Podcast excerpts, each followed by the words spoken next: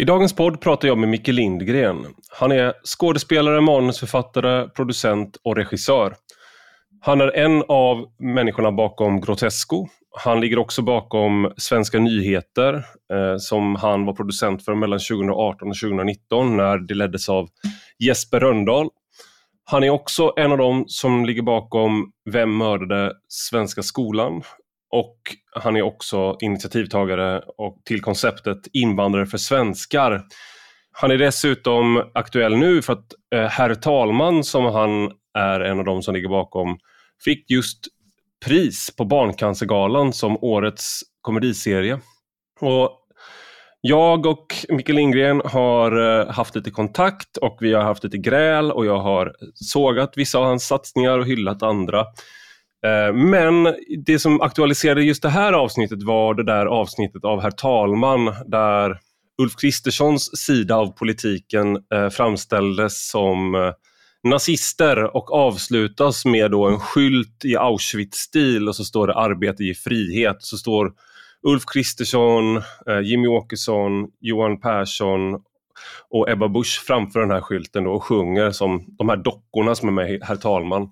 Och i samma avsnitt då så är eh, Magdalena Andersson är framställd som Hitler i bunkern eh, som inser att slaget om Berlin är förlorat. Då. Och det här fick eh, herr talman väldigt mycket kritik för, att man förminskade förintelsen och att man drev med någonting som man inte skulle få driva med. Eh, och då tänkte jag att det här vore ett bra tillfälle att prata med honom om det och också om hur gör man politiskt neutral politisk satir? Det vill säga det de gör på public service. Nu till dagens gäst. Du lyssnar på Rak Höger med mig, Ivar Arpi.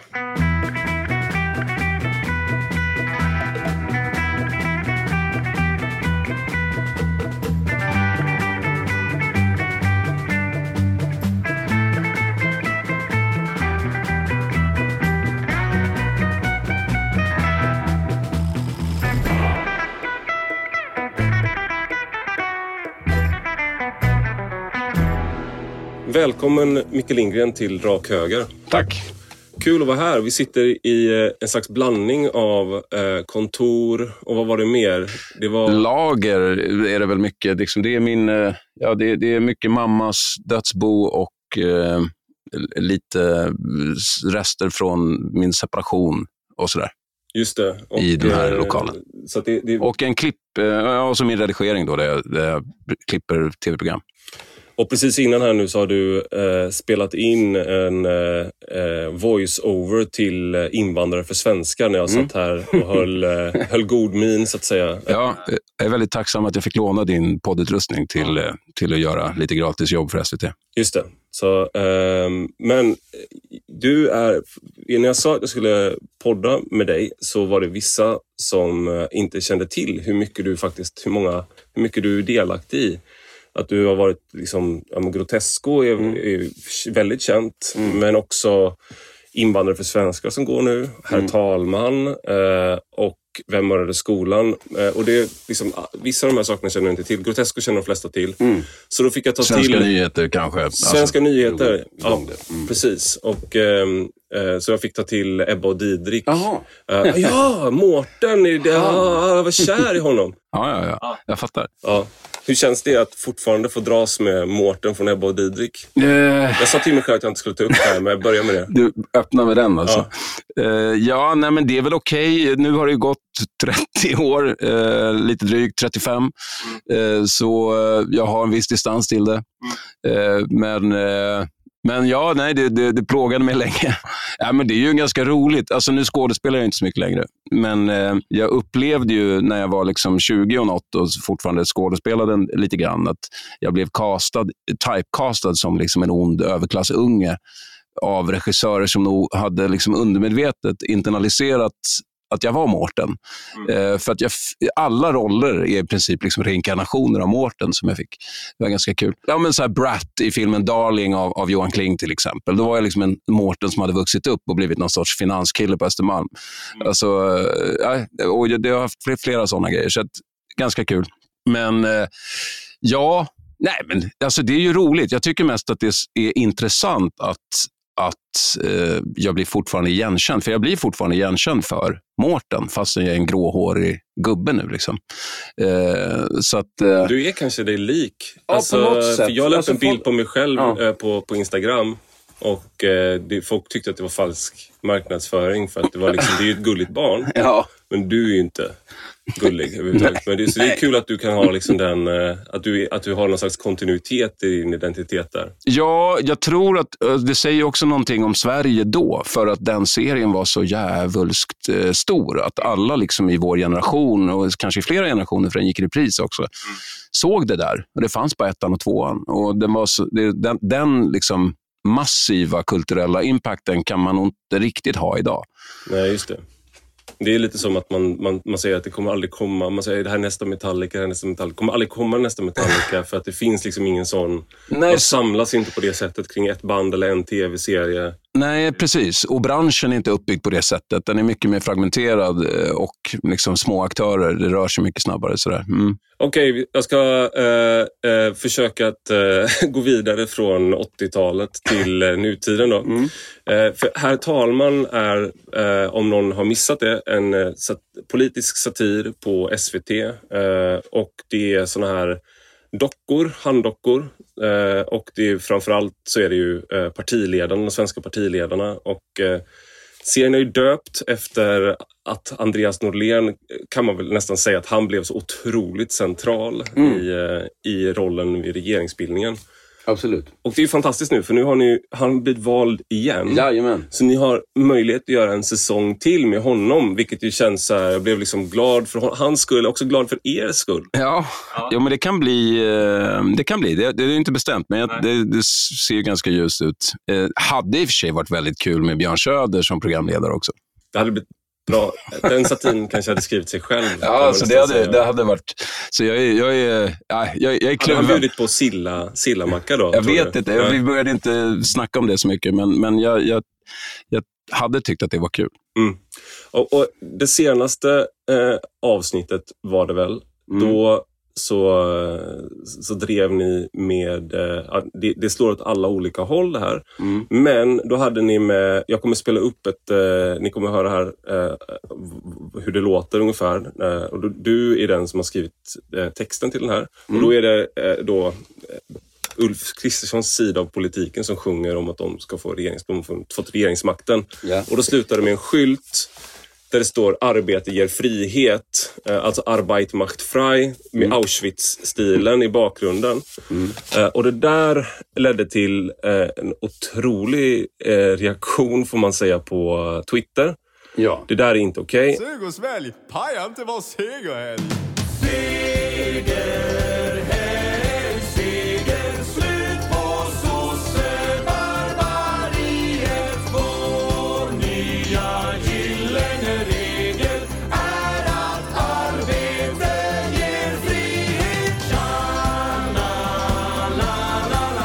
Så här skrev eh, Johan Romin eh, angående det här då. Miljoner människors död, ett industriellt folkmord, har blivit en grej man kan skoja lite om. Något man drar till med för att sopa till en politisk motståndare. En accessoar i en höhö-satir.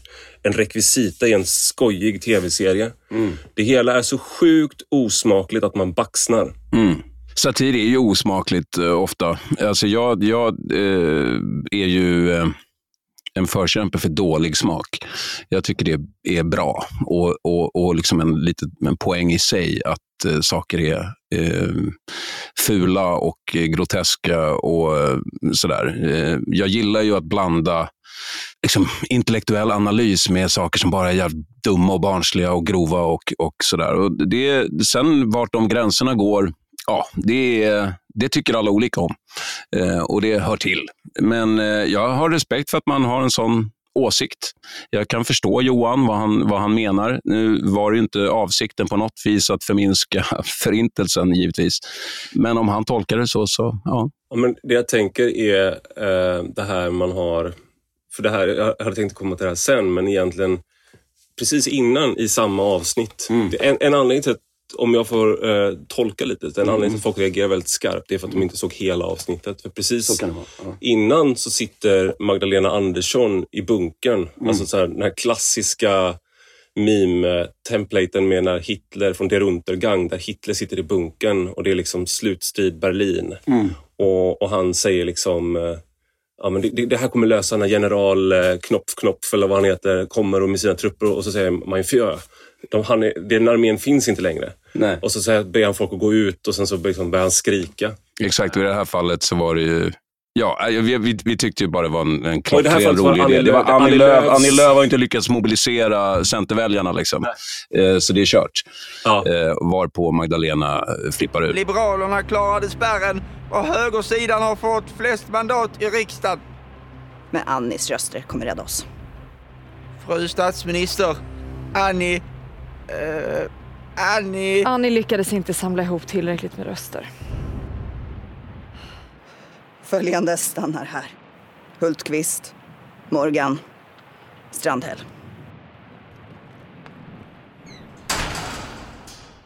Det var ju helvete! Den lilla rödluvan hade ett enda uppdrag. Samla röster från den anständiga borgerligheten. Och så tappar hon på landsbygden! Ja, nej men ab- absolut. Och Per Bolund började gråta, apropå låg humor. För det där var någonting som alltså alla jag kände skrattade jättemycket eh, åt, eh, åt det. Eh, och det är väl liksom inte, vad ska man säga, highbrow komedi kanske. Nej, det Men, men det, det jag menar här då liksom är att det där såg jag däremot, den sketchen cirkulerade samtidigt runt. Som att det var två separata delar av avsnittet. Ja. Och där var det ju väldigt många som tyckte det var otroligt roligt. Ja, exakt. Men, eh, och jag, så, jag såg också de diskussionerna och att folk eh, ja, försökte förklara just varför de tyckte att det ena var kul och det andra var ett hemskt övertramp. Ja, lite korrigeringar i sak då. Det, det här var ju faktiskt näst, det är näst sista avsnittet. Eh, det, det, det, sista, det här var ju avsnittet som var direkt efter valet. Och eh, det sista avsnittet avslutades med en eh, att Annie, så att säga, eh, Annie åkte hem. Det är när Annie lämnar politiken. Och, eh, har du sett det? Ja. Eh, ja, och när hon hem till Maramö och, och, och ska så att säga, en hemvändar eh, en hemvändarfilm liksom, där, som avslutas med en annan, en annan sång. Eh, så att, men men eh, den, den låten som innehåller Arbete ger frihet-skylten i slutet Mm. är ju en pastisch eh, på Do they know it's Christmas time, alltså Band Aid. Så det är ju egentligen en sorts inverterad Band Aid som handlar just om det här med att ja, men, ja, stryp, strypa biståndet, stänga gränserna och så vidare. Och, eh, och ganska mycket skulle jag säga att udden i den satiren är ju riktad mot Johan Perssons rätt besvärliga position. Han försöker hela tiden stoppa in i låten att han är någon sorts liksom, garanti för att liksom, asylrätten ska försvaras och sådär. Men det, alltså, rationaliseringen för att ha den där... Jag gillar ju inte att diskutera humor egentligen teoretiskt. Jag tycker det är jävligt besvärligt för att man riskerar, man bara punkterar eh, vad man har gjort. Man vill att det liksom satir eller humor ska få prata för sig själv. Och så får man läsa in och göra olika tolkningar. Och Folk har gjort väldigt många olika tolkningar av det där. Man kan tolka det som att eh, det, finns ju en, ett element i låten också av att vi driver med liksom, den så här, lite överdrivet alarmistiska liksom, eh, vänsterskräcken då för, för eh, eh jag menar, Tim Buck kommer in och rappar sin, sin eh, liksom, eh, sin, sitt otroligt sitt mardrömsscenario. Och det var ju efter det här, han skrev ju ett väldigt uppmärksammat Instagram-inlägg där han eh, sa att liksom, nu är vi liksom, till alla eh, typ icke-vita och liksom, jag förstår att ni är rädda, jag är också rädd. Eh, liksom, men vi, Ja, och jag på samma sätt som jag kan förstå Johans kritik av, eh, liksom, låt oss kalla det Auschwitz-skylten, då, k- kan jag, jag kan också förstå eh, Timbuktus perspektiv. Eh, men men det, är- det, det är ju liksom vårt jobb att peka på de där grejerna. Att Så här, Timbuk, nu kanske du överdriver lite grann. Alltså, och eh, å andra sidan, SD har de facto rötter i nazismen och vit makt, eh, liksom kultur. men det är också, Eh, nu avbryter jag eftersom jag tydligen inte kan låta mina gäster prata. Nej. Men en sak jag tänker är att fått kritik vår- Ja, exakt. Jag fick kritik efter mitt förra avsnitt. Så om det är någon som lyssnar som tyckte att jag pratade för mycket före avsnittet så fortsätter jag i fin stil nu. ska försöka avbryta det också. Ja. Bra. Eh, En sak här är ju att föreställningen, jag kritiserade ju Timbuktu eh, och eh, det blev liksom en debatt mellan oss där. Då. Eh, Men en föreställning där är ju att han är orolig och då är det ju kul att då blir det ju roligt om man driv, tar det för långt. Oavsett om det är genuint. Eller oavsett om det är befogat eller inte.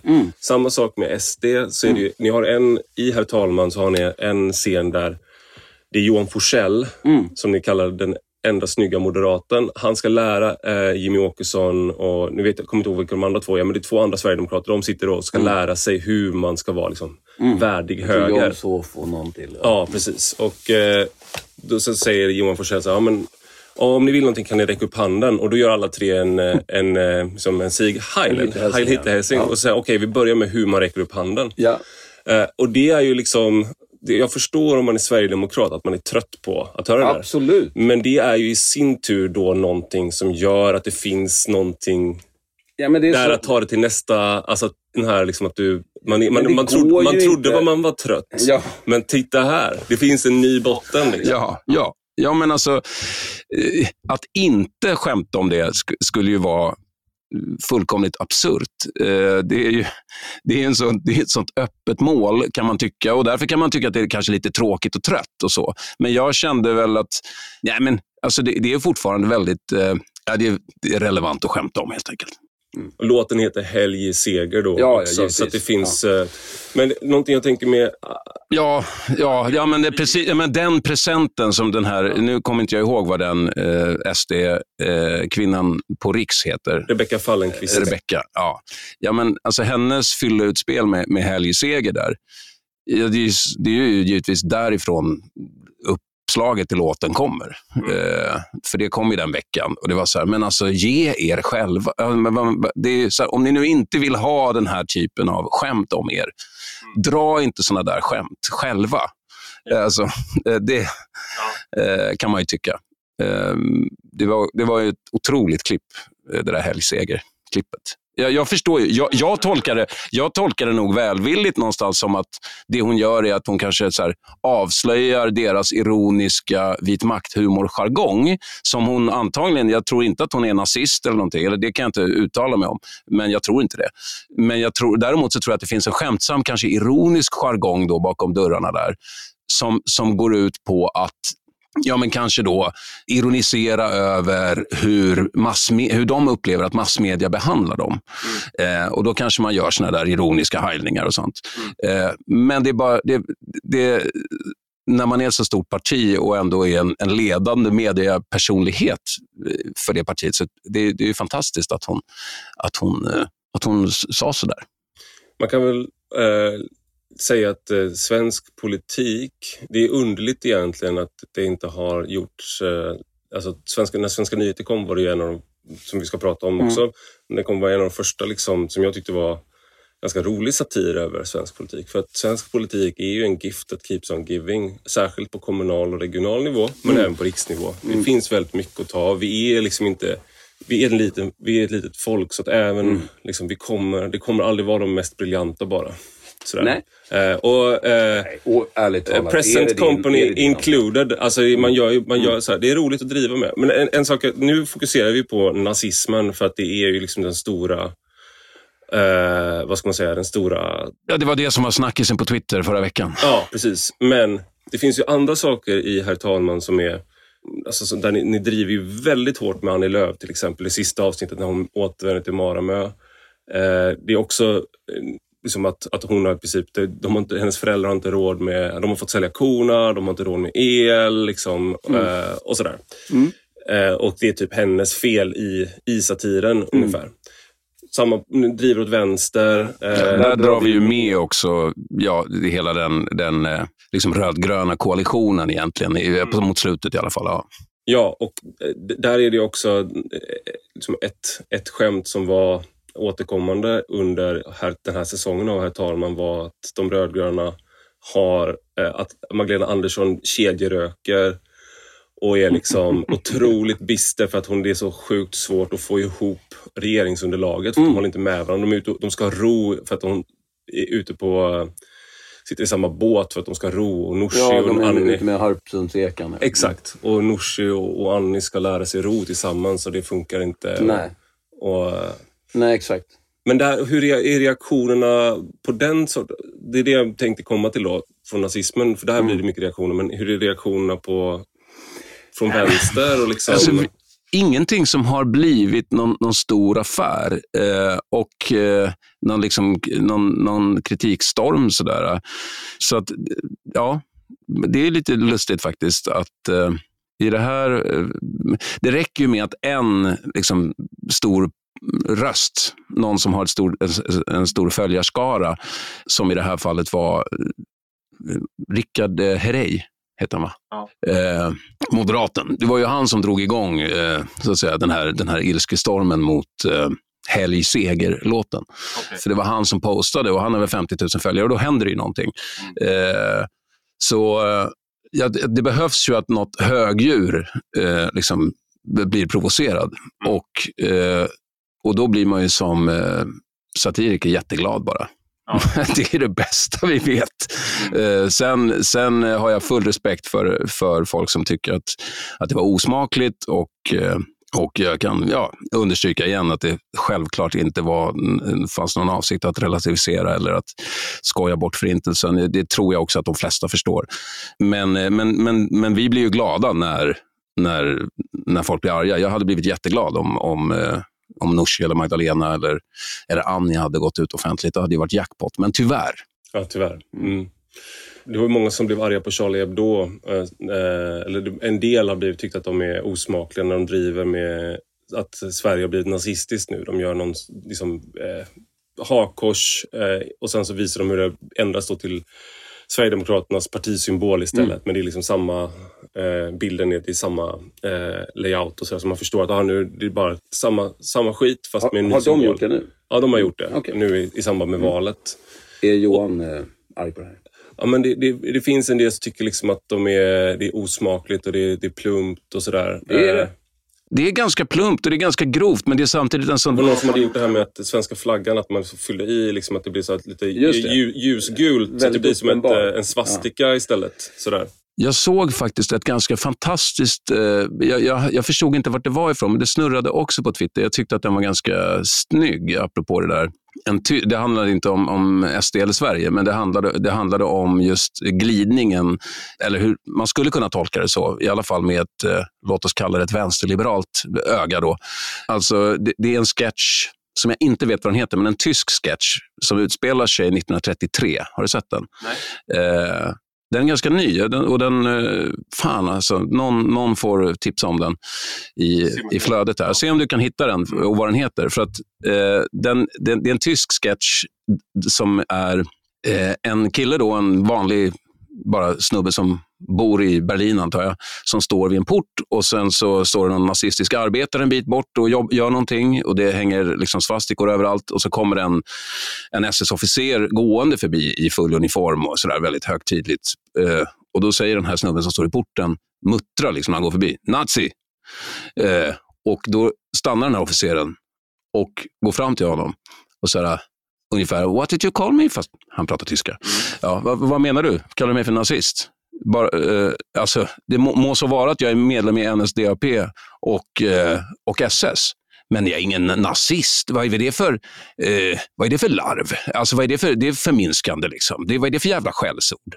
Det säger jag är inte nazist. Men du är ju nazist. Och sen, så, sen accelererar den där dialogen en, en stund eh, va, eh, och slutar med att... Eh, menar du att... men, ja, du kanske tycker att eh, fyren också är nazist då?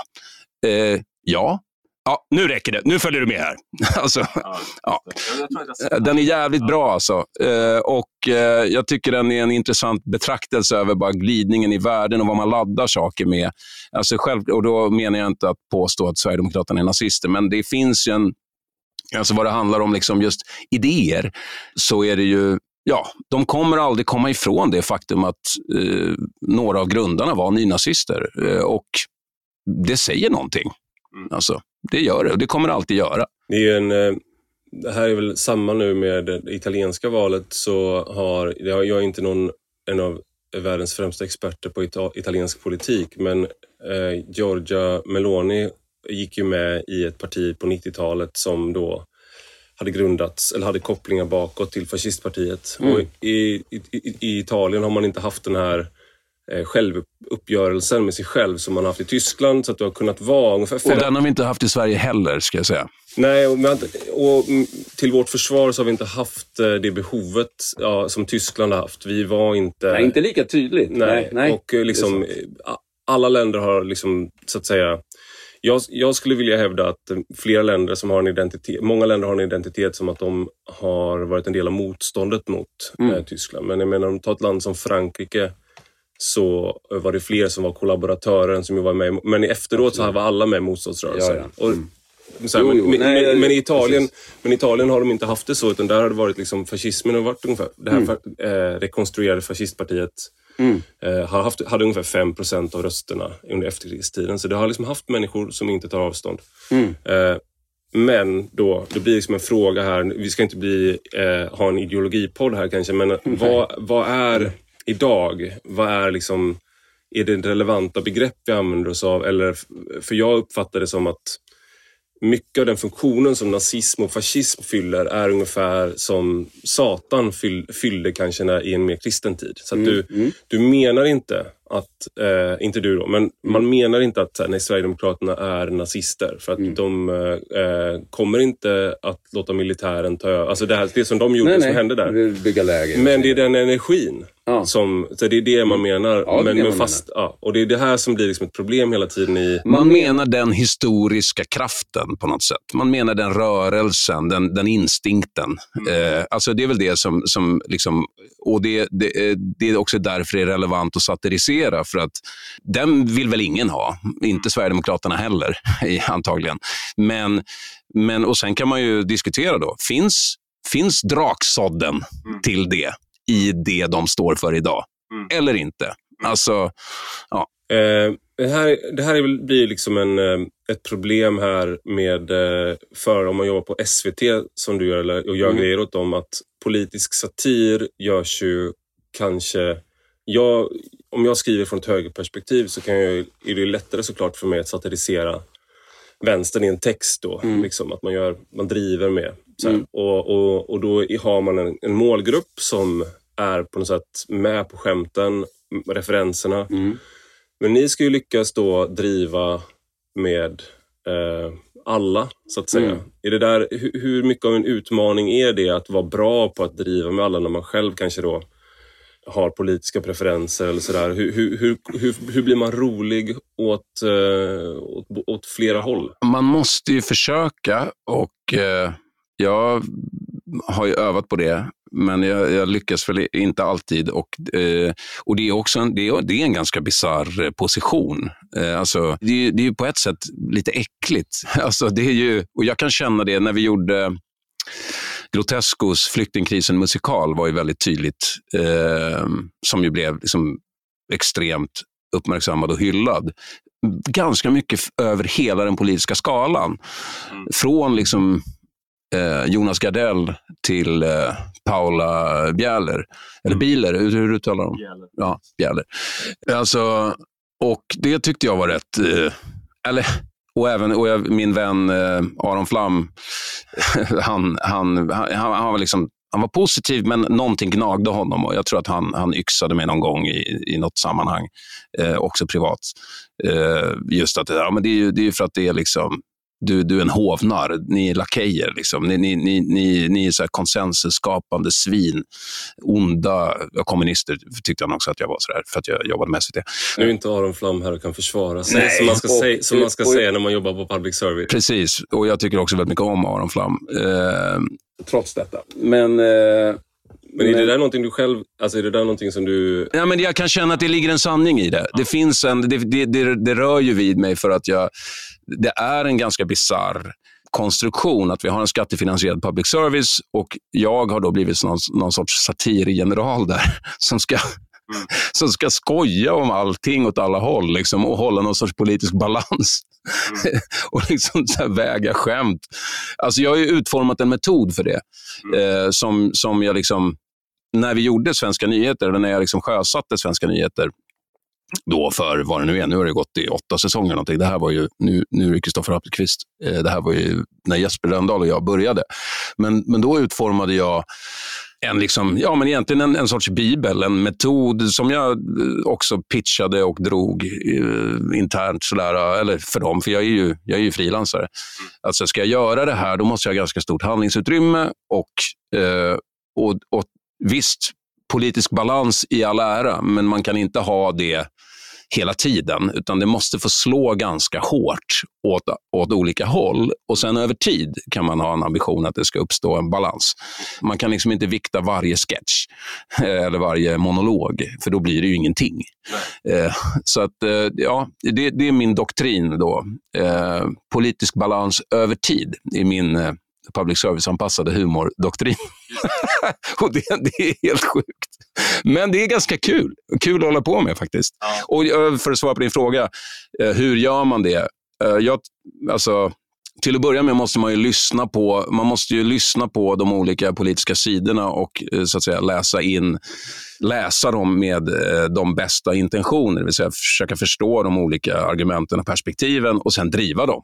Eh, och man, måste vara en, en, man måste ta ett kliv tillbaka från alltihop och vara en joker, vilket är liksom jokerns roll, eller så att säga mm. skojarens roll. Att bara så här, titta på allting som ett enda stort skoj och försöka se det från olika håll. Och bara, ja, men man, kan, man kan titta på från det här hållet och driva det så här. Och Det har väl högern, kanske för att högern har varit underrepresenterad i, i liksom svensk media och sådär, men Högern har traditionellt sett inte varit särskilt bra på det, upplever jag. Det finns undantag. Men det är mycket det som har varit kritiken mot public service innan. Ah, det är så här, man driver bara vänsterskämt och bla bla bla. Och så med vissa undantag då, som ja, men typ Aron och Jonathan Unge i viss mån, och så här, mm. eh, som har varit mer liberala, men liksom konservativa eller liksom skämtare. Alltså det ligger lite i sakens natur också. När man smakar på orden liksom, konservativ och humor, det, det, är inte, det är inte det gifter sig inte jättebra. Det är inte en slump att större delen av den amerikanska eller liksom anglosaxiska ståuppscenen är, är ganska liberal. Mm. Eh, därför att liberaler vill pusha gränser och bryta mot tabun och driva med saker, alltså riva upp och ändra. Alltså, Medan är man konservativ så tycker man väl till exempel att det är, är alldeles åt helvete att man har en referens till eh, eh liksom koncentrationslägerskyltar i en sång. Eh, jag vet, mm. alltså jag, jag, här, här tror jag att begrepp, att vi kanske går, eh, att vi använder begreppen olika. För att jag tänker att den konservativa impulsen befinner sig till vänster till stor del i humorn. Nu skulle man kunna kalla det mm. med cancelkultur, woke, eh, liksom woke-kulturen. Ja, det är också sant. Så då är det liksom att det här får du inte skämta om. Man sätter upp olika tabun mm. och du får inte skämta om just det här. Nej. Det får den här personen. Ja, men det är sant. Allt, det där det är är ju som, allt det där är ju otroligt läskande om man är en person som gillar att gå över gränser. Oh ja. Och då skulle man kunna tänka att om, om du till exempel om du skojar om trans... Eh, mm. Jag hörde ett jätteroligt transskämt om en man som han, han berättade så på scen, eh, en stand-up, så här, att han hade Liksom, han hade träffat en, en transkvinna och de hade varit på dejt. Han visste inte att det var en transkvinna. Mm. Och så hade de en fantastisk, eh, fantastiska samtal. Och sen så kommer de hem liksom, och så stoppar han in handen innanför hennes trosor och så är det en penis där. Mm. Och säger han wow. Det förklarar varför vi hade så fantastiska samtal. Och det är sådär, förväntningen ja. där är ju liksom någonting. Och, och eh, men jag skulle kalla den typen av humor är ju, är ju för att vi har tabun om hur du skojar. Ja, mm. Jag tror han gick vidare, men det var bara ett kort klipp. Men just hur de här frågorna som kanske var överskridande förut, de har själva blivit etablerade. Så nu, nu skulle du har helt säga rätt. Jag, jag, håller med dig 100%. Det är ganska lätt att vara konservativ eh, mm. i, om, man, om det är vissa frågor man eh, tycker det, liksom, det finns, inget, finns inga kön, mm. det finns bara 78 genus. Det är sant. Det är väldigt, väldigt enkelt att... Eh, många, många skämt eh, tänker jag skriver sig själva.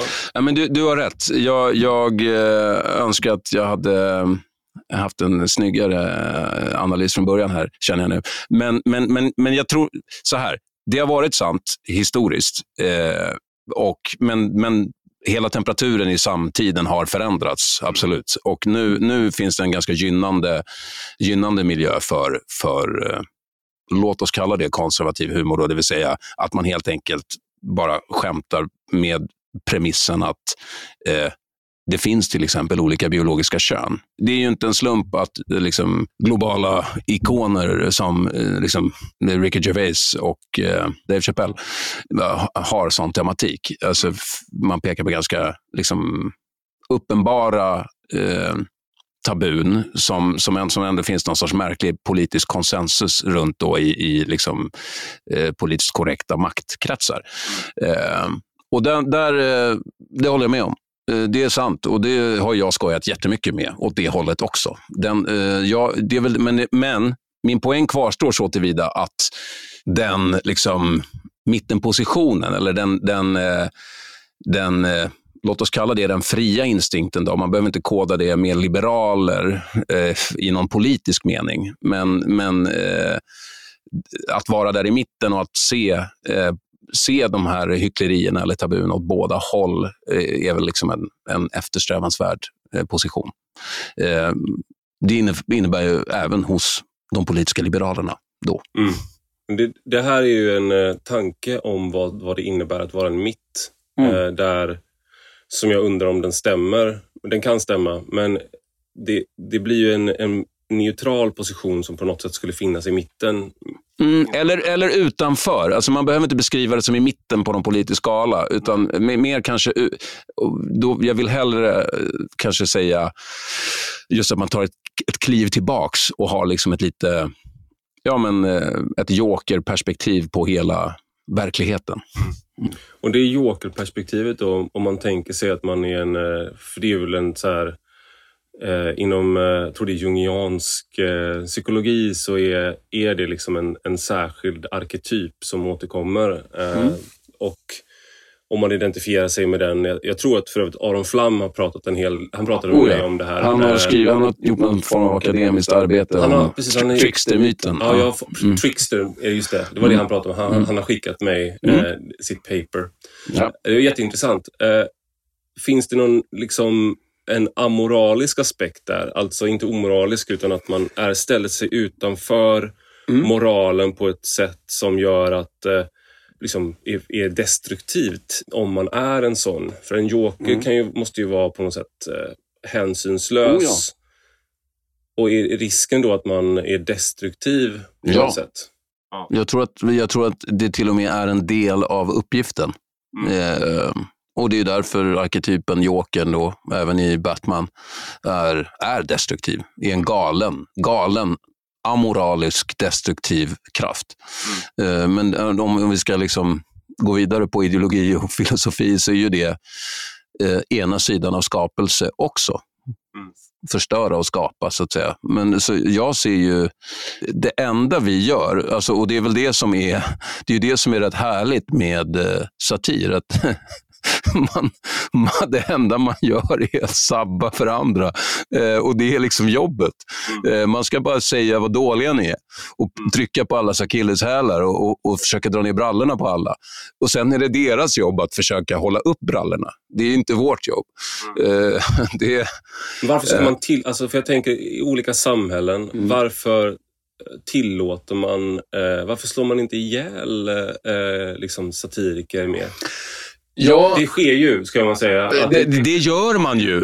Eh, det gör man ju. Och historiskt har man gjort det överallt. Det är väl någonting som är så otroligt tjusigt och fantastiskt med vår då upplysningskultur. Eh, liksom, mm. eh, att vi har kommit till slutsatsen att vi ska tillåta det här. Vi har yttrandefrihet och vi har maktkritik på det här, även på det här sättet och den kan gå väldigt långt. Sen finns det en massa, eh, därför att vi har, tycker att det leder till en friskare demokrati och vi har en massa ideal som, som omgärdar det. Men det är ju rätt historiskt sett är det ju en, en, en, en liksom väldigt unik eh, situation att man tillåter det. Eh, och även i Sverige. Och det finns ju ett, eh, det finns ju ett eh, det finns ju en massa mekanismer för censur, alltså självcensur, socialt tryck och så vidare, åsiktskorridorer etc. som gör att det mesta av det där händer inte i alla fall. Och de som gör det, eh, de som utövar liksom satir, inte då de som gör det som polerade hovnarrar i public service, för de, blir, de, går, de kan tydligen komma undan med det mesta. Men det är också ett trick med att göra det på ett sätt så att man kommer undan med det i en specifik kultur, kulturell kontext. Men det finns ju andra svenska satiriker som är ja, men till exempel Aron eller Dan Park, eller alltså mer liksom, som jag verkligen kan uppskatta för att just för att de sticker ut hakan så långt så att ingen vill ha med dem att göra. Eh, och eh, Jag tycker det är en, viktiga funktioner i ett fritt samhälle. Eh, så, att, ja, men eh, för det här liksom konsensusskapandet, det, det, är också det är en parallell process. Eh, så det, det, jag tycker det är en ja, jag tycker att det är ett, ett friskhetstecken eh, och, eh, i, ett, i ett fritt samhälle som, eh, som, eh, som jag bara uppskattar. Men, jag, men, man ska absolut inte ta det för givet. Mm. Jag tänker på eh, när eh, något av det roligaste som, som finns är ju människor som tar sig själva på väldigt, väldigt stort allvar. Mm. och som du till exempel. Ja, exakt. Men det, är liksom, det finns en sån här... Om, nu klipper vi här för nu ska jag slå mycket. eh, nej men det finns den här, det här, det var något klipp som kom på typ 00-talet där det är några som spelar eh, eh frisbeegolf. Mm. Och så säger de, så här, kan du akta på dig? Eller de försöker få en kille att akta på sig. Och så kastar de en frisbee och så spiller han lite med sin drink. Och så säger han, vem fucking var det som kastade? och, så här, och så är han så jävla arg för att han har spilt lite och det, var, det är frisbee liksom. Mm. Och de är såhär bara, nej det var, men lägg av liksom. Så här. Och det blir så här, vem fucking var det? Vem fucking var det som kastade? Mm. Det är jättekul. Mm. Och det är för att det är så här, det är någon som tar sig själv på så stort allvar att en frisbee som får en att spilla lite på, lite på sin skjorta mm. är liksom, nu, jag är beredd att dö för det här. Ja. Det, här, det, här är den, det, här, det finns vissa tillfällen i livet där man måste ställa sig upp, annars är man bara en liten lort. det här, och det här är det tillfället, det här. det här är den kullen jag tänker dö på. uh, ja, sen är ju liksom den typen av besinningslös ilska som, som är så, så uppenbart ogrund, den är ju väldigt rolig också i sig. Liksom. Alltså det ja. känslouttrycket kan vara väldigt kul ur när det, när det inte är befogat överhuvudtaget. Men, ja. men den här liksom ironin över oss själva undrar jag, eh, för det där, jag upplever det som att det hela tiden är en, en liksom dragkamp mellan att kunna skratta åt sig själv mm. och bli väldigt arg. Mm. För några år sedan så var det, eh, blev jag kallad nazist väldigt mycket. Det sker mm. fortfarande, men det var lite mer för några år sedan. Eh, för nu har, nu har liksom hela samhället blivit mer nazistiskt. Eh, I så ja, fall, med, med det måttet. Liksom. Med det måttet, ja. ja så då är jag gott sällskap mm. eh, liksom, nu när vi är framme på 1933 och sådär. Ja. Eh, men då var det i alla fall den här eh, satirikergruppen, eller, så här, eller vad man ska kalla dem, rummet som handlade liksom om rasifier, det var liksom mm. rasifierade kvinnor var det som drev det. Eh, mm. Nu glömmer jag av vad alla hette, så jag ska inte ge mig på det. Men då var den, hade de en sån eh, typ klippt in, var det någon som, hade de skrivit så här. Vadå Ivar Arpi, vadå att Ivar Arpi inte är nazist? Han ser ju, han ser ju ut, ut som en nazist, bokstavligt talat. Så hade de klippt in mitt ansikte på en klippdocka som var liksom en nazistuniform. Ja. Och jag tyckte det var väldigt kul. Det var kul. Även om samtidigt då så känner man att det är, ganska, man blir, det är påfrestande med att bli driven med. Om just att man är nazist, när man ja, inte är nazist. Det är ganska otrevligt. Ja. Men då var det folk som tyckte att jag skulle eh, stämma dem eh, och och eh, liksom att det där var inte okej. Okay. Och då blir det så här, det, då, för, för mig då som en offentlig person, då blir det en sån dragkamp mellan, eh, är, är liksom, för att jag tycker objektivt sett att det är satir. Och mm. att det, det är så, så jag gick ut och försvarade dem, men en, mm. del av, en del av en är ju såklart alla, Sårad, ja. alla som kränker mig ja, måste jätte... sluta nu. nu. Vem fucking var det? Vem fucking var det som kastade? Mm, liksom. Det är en del av en har det där. Ja, ja det, det, här för mig osökt till, till, våran, till våran första bekantskap. Jag måste... ja, du får gärna återge. Nej, men därför att första gången vi hade kontakt var när eh, jag gjorde Svenska nyheters eh, säsongsavslutning för några par år sedan. Och eh, då var det, en, en, då, då var det just i relation till diskussionen om det polariserade debattklimatet och mycket, mycket i relation till USA och hur extremt polariserat det var där eh, med Trump och så. Och, eh, och Det diskuterades en hel del, så här, är vi på väg ditåt? Och liksom. Så då gjorde jag en skojig sång eh, som hette Slutna kluster som, eh, där jag gjorde liksom en We are the world med politiska motståndare och sjöng just om, där de, där de fick sjunga lite så här, klyschorna om vad de själva är mm. och eh, så att säga visa upp en självdistans.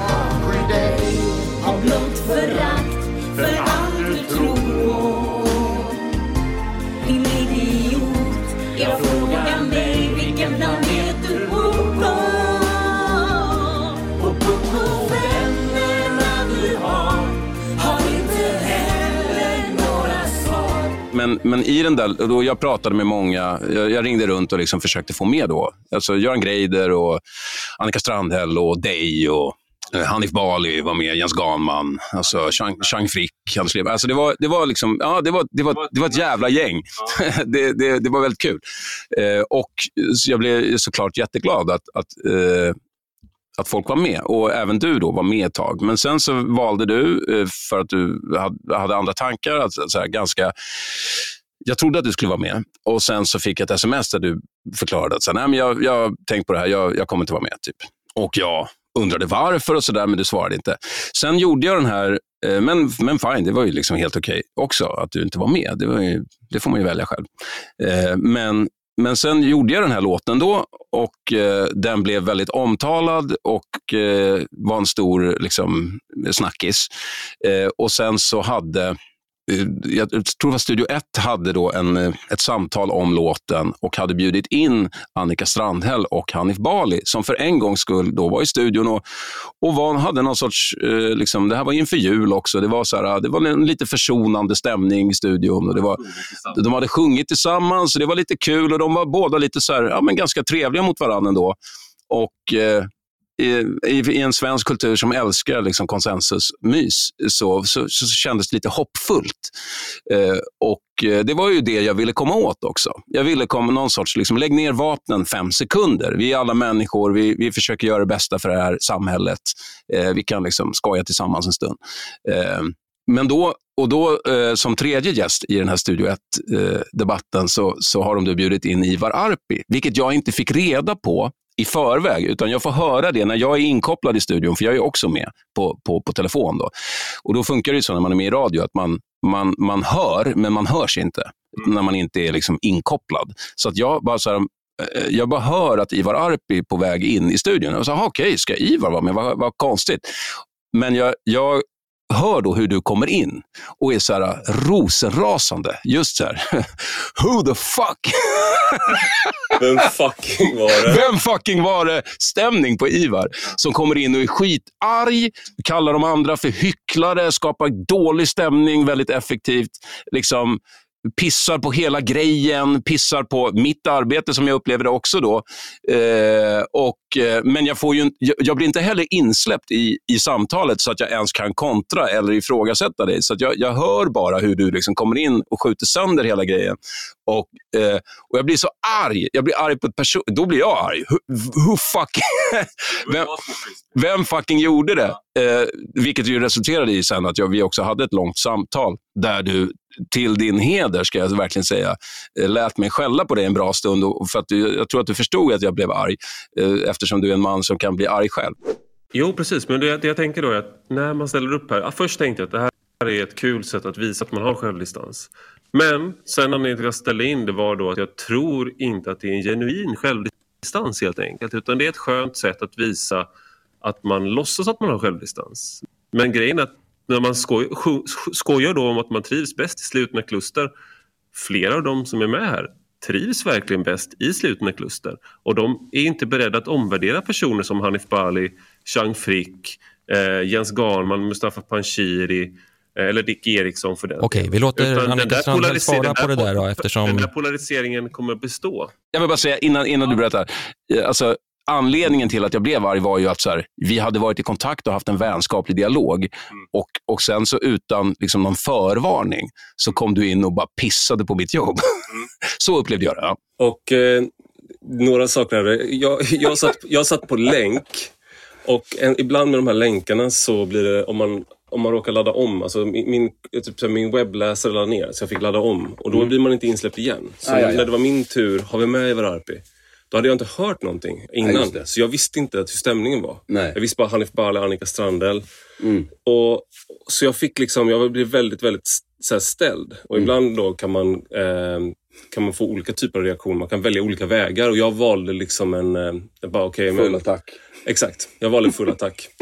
och min kritik då var att Eh, det här är liksom att man försöker skyla över verkliga politiska konflikter eh, och det är inte hö-hö, det, här, det är inte hö-hö utan det är, liksom, det är på riktigt. Det, här, mm. liksom. det var min mm. kritik. Jag står för den kritiken. Ja, eh, och ja den är inte orimlig på något nej. sätt. och det är någonting här som också jag tänker på att du, när, du, när man gör satir mm. så alla som är offentliga personer som har makt kommer att bli liksom drivna. De måste, då måste man lära sig att hantera det. Mm. Men i den här politiska världen det är det också så här att, man, man, precis som du och jag, man har en vänskaplig konversation. Mm. Och sen står man i en debatt. Mm. Och den personen tar heder och ära av en. Mm. Så det du var med om är någonting som jag är med om hela tiden. Att man träffar människor eh, och man, är, man, tror att man är liksom, man tror att man har på något sätt nått fram till varandra. Mm. Och sen så ställer man sig och så är det bara, de tar liksom så mycket ifrån, vill ta allting allting som är ditt. Ja men, det var, ja, ja, men det förstår jag och jag hade varit tvärlugn med det om jag bara hade fått en heads up. Ja. Eh, för att, ja. för att eh, det var så oväntat för mig. Just för att vi var inte, du och jag var inte i en debattsituation. Eh, du hade inledningsvis uppskattat min idé och sådär. Så, så ja. för mig blev det lite, det blev en, en eh, det var en liksom kognitiv dissonans där. Ja. Eh, men, men det, det, här mm. tror jag också kommer till någon slags här, vad, hur möjlig den här mittenpositionen, om man då tänker jokerpositionen eller en mittenposition. Mm. För någonting jag upplever ibland på SVT och i, när jag träffar människor som arbetar i SVT-sfären, det, är, det är den här tanken att det finns en på något sätt en neutral sfär där mm. vi kan mötas och där någonting inte är politiskt eller där vi kan se, alltså sådär, och att man försöker skapa det hela tiden mm. i, de här. Mm. Eh, och jag ibland då tycker att man, eh, man ser sig själv som en, eh, man hamnar som en neutral position, mm. att man hamnar där. Mm. Mm. Ja, den är väldigt förrädisk för den är ju ofta falsk. Ja. Eh, det håller jag med om. Men till skillnad från dig då, kanske, det vet jag inte riktigt vad du tycker, men definitivt till skillnad från typ Aron Flam och Jens Galman som precis eh, nu är ute på en turné och hatar public service. Så tyck, ja, ja, precis. Så, så tycker ju jag att det finns, det finns jättemycket problem med public service, eh, hur det är upplagt och så vidare. Men jag uppskattar det ändå. Jag uppskattar ju ansatsen att försöka hitta neutral mark. Eh, det, det, är i princip omöjligt. Det, det, det är liksom ett utopiskt ideal. Mm. Eh, men jag tycker att det är en, eh, en fin eh, och, och tror jag, ganska viktig ambition. Sen behöver det inte vara utformat precis som det är idag. Eh, sådär. Alltså det, jag är helt öppen för att prata om, eller liksom, jag, har ingen, jag, jag lägger mig inte i den debatten så mycket. Men, men jag tycker att det finns uppenbara viktiga funktioner med public service i vårt samhälle. Just för att vi är ett litet land, ett litet språk, ett, ett, ett ganska litet folk och sådär. Eh, det finns fördelar med att inte vara eh, ha lojalitetskonflikter med annonsörer och marknadsförare till exempel. Det finns ganska mycket som är svårt. Mycket av de programmen som jag gör, Herr talman och Svenska nyheter, tror jag inte skulle vara möjligt, eh, tyvärr, eh, kommersiellt i Sverige. Det skulle inte vara möjligt att göra på den nivån, för det finns inte finansiering för det. För att det, de, är, de programidéerna, så fort det är kontroversiellt, så uppstår ett problem med innehåll när, när det är eh, liksom privat kapital inblandat. För att någonting måste då vara det som kallas för brand safe, det vill säga varumärken måste vilja associeras med eh, programmet eller innehållet. Och Det säger sig självt att ingen vill associeras med ett innehåll som till exempel gör grov, plump satir och, och har nazireferenser med en, med en koncentrationslägerskylt inget varumärke vill vara där. Så jag skulle inte kunna göra det jag gör. Det är därför jag uppskattar SVT. Och där, alltså nu är det såklart, jag sitter i en jävligt liksom, privilegierad position och har, får, får ganska stor frihet att uttrycka, jobba med idéer och program där. Men jag ser ju också rent objektivt att det vore inte möjligt i någon annan kanal i Sverige. Jag tror inte det. En, en kritik som jag har riktat mot SVT och som många andra har mer, mer erfarenhet av, men, men eftersom de jobbar i SVT, det är mm. eh, att man har de här mångfaldsmål, jämställdhetsmål och liknande. Så jag har pratat med satiriker och komiker som eh, har blivit väldigt stora till exempel på Youtube, mm. eh, men kanske inte storleken, de har varit väldigt, gjort bra grejer. Mm. Eh, och jag är ju inte en expert på att bedöma det, men, eh, men sånt som jag tycker att de har drivit med liksom på, på, på, roliga sätt med, med, med saker, med företeelser och sådär. Mm. Eh, och vissa av dem har ju fått uttalat när de har kommit till SVT att vi behöver inte fler vita killar som, som gör humor. Eh, och det här kan man ju se... Jag är den, jag är den sista. Du, du, precis, du, du, du, du tog med dig stegen upp. kan man säga.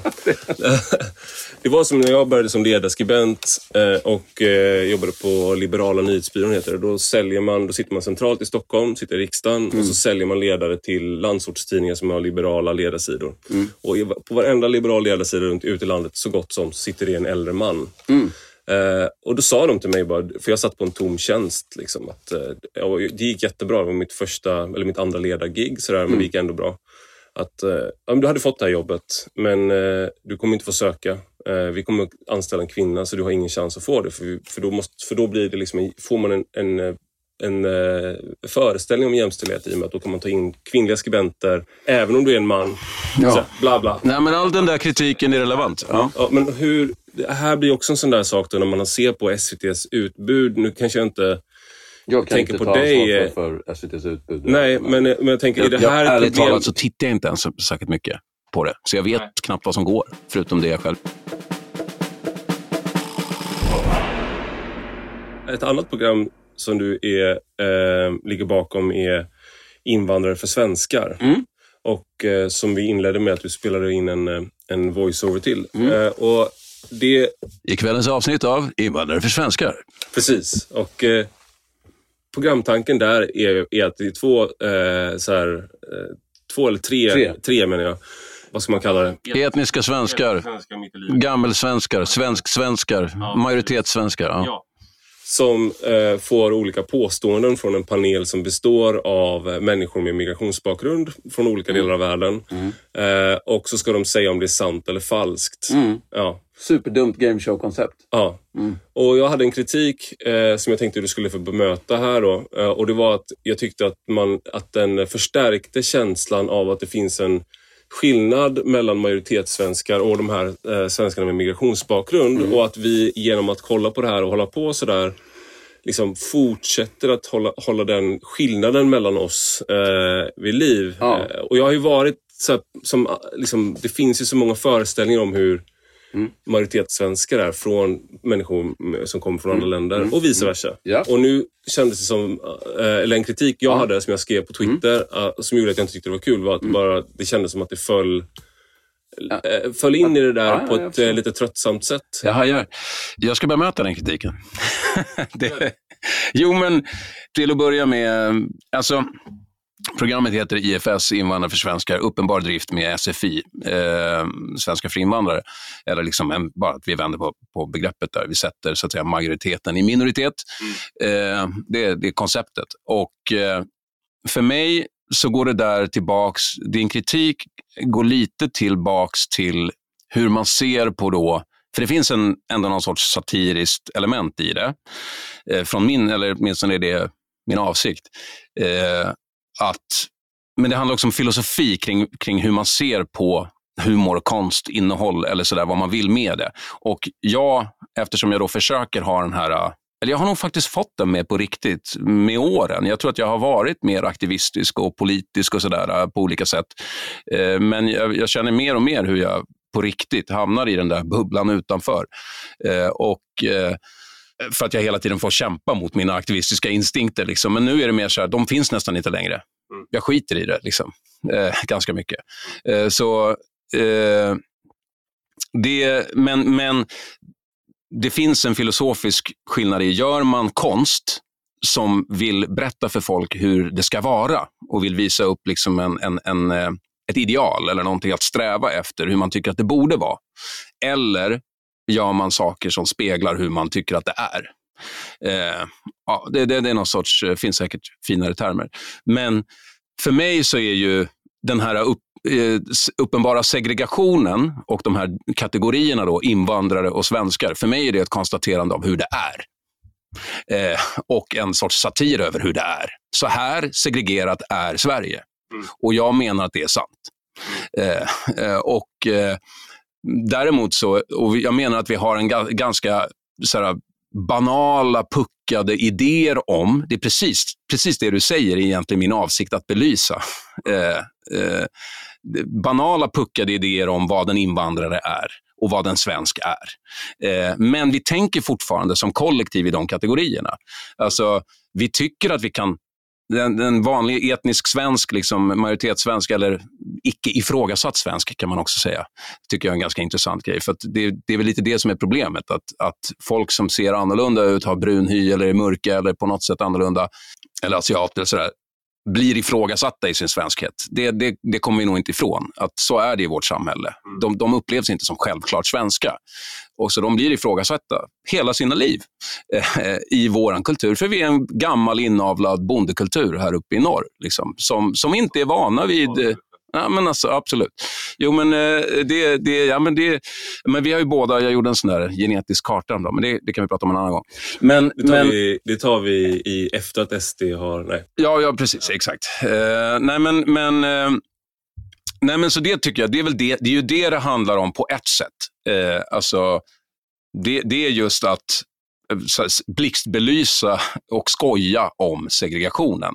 Eh, och Sen finns det en, eh, en, annan avsikt är att det är inte, du är inte primärmålgruppen, utan primärmålgruppen är faktiskt, avsikten är just att här, göra ett program av svenskar med utländsk bakgrund för svenskar med utländsk bakgrund egentligen. Alltså mixade, de, det som ibland kallas mellanförskapet, töntigt ord. Liksom. Men, men, eller det är väl inte töntigt, många upplever att de är där. Eh, Alltså just att man har, man har blandade kulturer. Man är, inte, man är inte fullt ut välkommen in i svenskheten, även om man vill det. Fast man är inte riktigt bekväm där. Och så ska du, liksom ska du vara lojal mot ditt, ditt utanförskap. Alltså i då din förortskultur med en motståndskultur eller vad det är. Eller ska du liksom gå in i mainstream-svenskheten? Och då blir du, försöker du göra det, då blir du kallad husblatte. alltså, och då blir du, alltså, men, men å andra sidan, eh, så vill du, ju, du vill ju ha fördelarna av det. Och det, alltså man vill vara en del av kulturen. Så det finns en spänning där. Det handlar om segregation och det, det programmet skojar om det. Och, jag, och Även om primärmålgruppen för IFS Alltså jag vill verkligen att det ska vara på det här. Alltså, för det finns skitmycket människor som är... Eh, jag vet, alltså, de, alla som sitter i panelen där, och det är ungefär 40 pers över alla avsnitt. Mm. Jag tror fyra finns nu på Play. Eh, Men min kompis Mustafa Panshiri blev mm. inte bjuden till eh, fest. Ja, det, så det, du, du förstår att det egentligen handlar det här om lojalitet med mina vänner. Jag förstår. Nej, men alltså, jag, jag, eh, nej, men Chang Frick och Mustafa, är, men, och det där är också viktigt för mig. Alltså, eh, det där är också sånt som har blivit utskällt och liksom, jag har hört, alltså, folk har poddat och spekulerat. Hur fan kan Chang vara med? Och, så här. och för mig är det så här, ja, men, det är, det är ju liksom en del av hela poängen. Invandrare är en idiotisk kategori. Det är ingen homogen grupp. Eh, och Det handlar om eh, grad av svenskhet, politisk hållning, yrken. Eh, liksom, det, finns ingen, eh, det finns inget biologiskt eh, svenskt.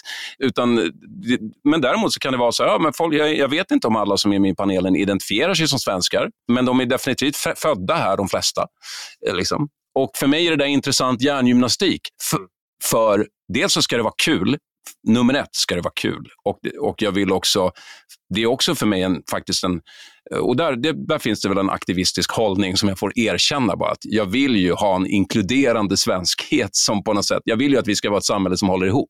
Alltså, där, där, öppen svenskhet, ja. en jävla sverigedemokrat. Ja, men alltså, jo, nej, men alltså, jag, jag menar att, att men vi, vi, måste ha ett medborgarskap. Det här har jag pratat om förut också, så det här har jag inga problem att stå för. Men liksom, ett, ett medborgarskap som, där, där vi alla kan samarbeta och där vi kan, kan uppskatta varandra och där vi inte håller på med de här gränserna. Så att har det slagit åt det hållet som du upplever, då har jag misslyckats kapitalt om det förstärker motsättningar. Mm. Eh, Till ditt försvar då så ska mm. jag säga att många äh, svarade med att de uppfattade det precis tvärtom. Mm. Och sådär. Så jag fick lite medhåll men fick ganska mycket mothugg Bra. också. Alltså, sådär. Jag, jag upplevde inte att det fanns en riktig Eh, det kanske fanns någon slagsida i höger-vänster där vem det var som reagerade och sådär. Men jag upplevde att var, jag fick mothugg från eh, meningsfränder också. Mm. Så folk hade delade uppfattningar där. Det, det, har ju fått, du, har, du har ju fått kritik också från Grotesk när ni gjorde den här Blanda om. Eh, mm, den blanda låten, upp. Blanda upp heter ja, det. Eh, och där, som handlade om eh, rasblandning då, mm. eller liksom blandning mellan svenskar och invandrare. Det är en sketch som antagligen inte hade gått att göra idag på samma sätt, bara, även fast den bara är, vad det nu är, 12 år gammal. Mm. På, grund, ja, men på grund av det här som du pratade om förut. Jag tror att eh, vänster-woke-känsligheten hade ironiskt nog saboterat den idén.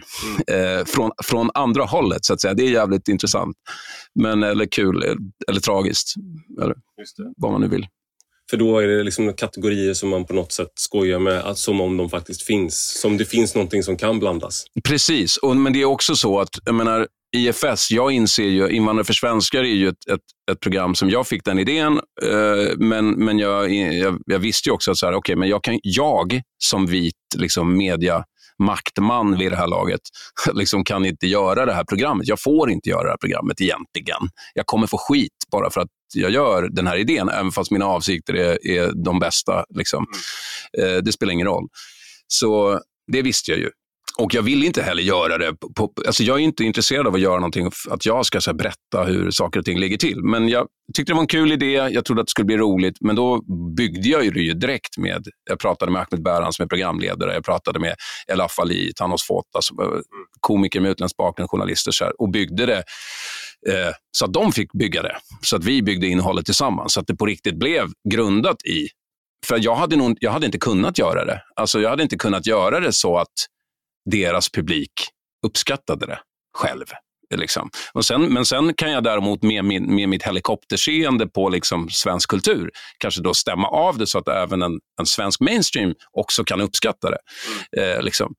alltså, så att man, jag jobbar ju mycket i grupp sådär. Men, men, och, och på det viset, så, så, då blir man inte heller... Alltså, det är så här, ingen jävel kan ifrågasätta att det programmet är, bottnar i liksom, eh, mellanförskap, eller vad man nu ska säga. Mm. Alltså, även om jag är initiativtagare. Så mm. jag, för jag hörde ju knivarna slipas när jag gjorde det, det, alltså det här programmet och inför premiären av det. Och jag, mm. jag fick konkreta vittnesmål också om att knivarna slipades på, på liksom, eh, identitets, alltså postkoloniala eh, forum. För att du låg bakom? Ja, men man, ja, man anade det. Programmet var potentiellt problematiskt och, och, och sådär. För är inte, det är inte, och inte bara i relation till mig. Jag tror hela programidén, den, de kände att, så här, vänta nu, det här är en fågel, den här passar inte in i vår verktygslåda. Det här är inte riktigt så vi, det här är inte så vi attackerar antirasism. Liksom. Eh, det här, just på det här, lite ironiskt nog, lite på det sättet som du eh, kände.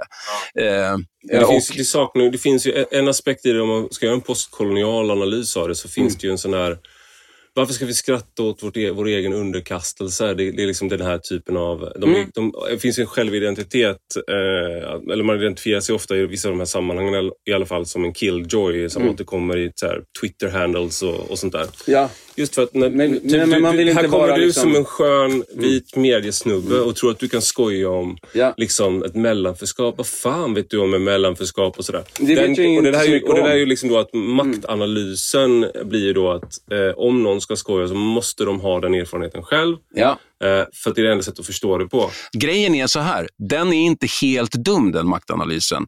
Den är meningsfull. Jag, jag håller ju inte med om den. Jag tycker ju att man ska få skoja. Men, men definitivt är det så att alltså, det är de här diskussionerna, vem får säga vad? Får man skämta om vad som helst som man är trött på? Alltså, och jag tror ju inte på liksom konceptet eh, tolkningsföreträde automatiskt till exempel. Alltså det är idiotiskt. Alltså, eller kulturell appropriering. Alltså det, är, det är fullkomligt vansinne. Liksom. Men det finns tillfällen när det har relevans. Alltså det finns giltiga liksom, eh, appliceringar här och där. Eh, men, ja, men just vad jag, konceptet kulturell appropriering kan jag tycka har, kan ha en relevans när det handlar om eh, alltså de facto kulturell stöld. Till exempel om ett eh, stort företag exploaterar ett ursprungsfolks medicinska kunskap eh, och stjäl deras eh, växter och sen utvinner ett ämne som de säljer utan att ge någonting tillbaka till de som faktiskt har hållit den kunskapen levande i tusen år. Det är väldigt jag konkret. Jag tyckte du tog, mm. det här tycker jag, jag där, där, det där tycker jag var ett dåligt exempel. Okay. Uh, för jag tycker det är ett väldigt bra exempel på när det är helt okej. Okay. Uh, däremot så tycker jag uh, om, man, om du samtidigt har en... Får man råna ursprungsfolk hur som helst? Nej, men de, de, generellt sett om du tar magiska svampar och sånt mm. där. Men vi utvinner ämnen över hela världen. Det är ju liksom mm. ingen som blir sur på att eh, någon äter lingon någon annanstans. Liksom. Nej, eh, eh och, och, det finns, det, men, nej, men det finns, ja, men det finns ja, liksom jag, där... Eh, som ung var jag ursprungsfolksaktivist. Men, ja. ja, men jag, jag, jag, vissa av de där sakerna finns ju eh, att du samtidigt som du eh, förtrycker ett folk, Mm. eller håller, liksom, och du har kanske till och med formell diskriminering, Ja.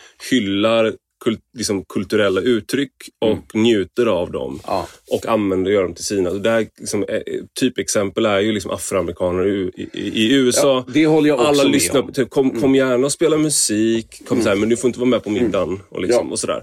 och där blir det en Ja, eller extrema avarter. Alltså blackface är ju liksom en extrem, alltså den typen av gammal minstrel, eh, liksom, eh, blackface. Sen, Det är knappt kulturell appropriering dock, utan det är bara ett rasistiskt, för det var ju inte de Ja. själva som hade blackface. Nej, men det är ju som en, det är ju som en, det, det är liksom den, den, den, den då komediversionen av att Elvis snodde rocken. Liksom. Ja. Eh, ja. Men sen finns det såna här det finns det absurda saker som att eh, eh, liksom i blues, gitarren är, en europe, är ett europe, europeiskt instrument. Så att liksom mycket av den svarta musiken som spelades tog man till sig från europeiska instrument. Men det mest hillbilly-aktiga instrumentet, banjo, kommer från Afrika med svarta slavar. Absolut. Så du har så konstiga, om, om man ska vara ren, ha renhetsideal, Nej, men man kan inte ha det vad gäller kultur. Det är ju det som är grejen med kultur. Vi, alltså, det här kan man ju prata massor om. Eh, Men, kultur ska vara flytande. Kultur är flytande. Så, alltså, det, det ligger i själva ordet. Man tänk yoghurtkultur. Och Det är därför ett, ett liksom, kulturbegrepp som försöker låsa fast identitet oavsett om det är liksom i extremvänstern eller liksom extremhögern, alltså är eh, människofientligt. Eh, absolut. Stort tack Micke Lindgren för att du var med i Rak Höger. Tack. Och stort tack till dig som har lyssnat. Gå gärna in och skriv en recension på Apple Podcasts eller i den app där du lyssnar på podden. Och detta är alltså en del av en större publikation på Substack med samma namn som podden. Och den som prenumererar där kan även ta del av de texter jag skriver. Gillar man det man läser och hör får man gärna bli betalande prenumerant för 5 euro i månaden eller 50 om året. Då får man ta del av lite exklusivt extra material också. Du hittar rubbet på ivararpi.se. Och har du några frågor eller synpunkter kan du alltid mejla mig på ivararpi substack.com. Vi hörs igen.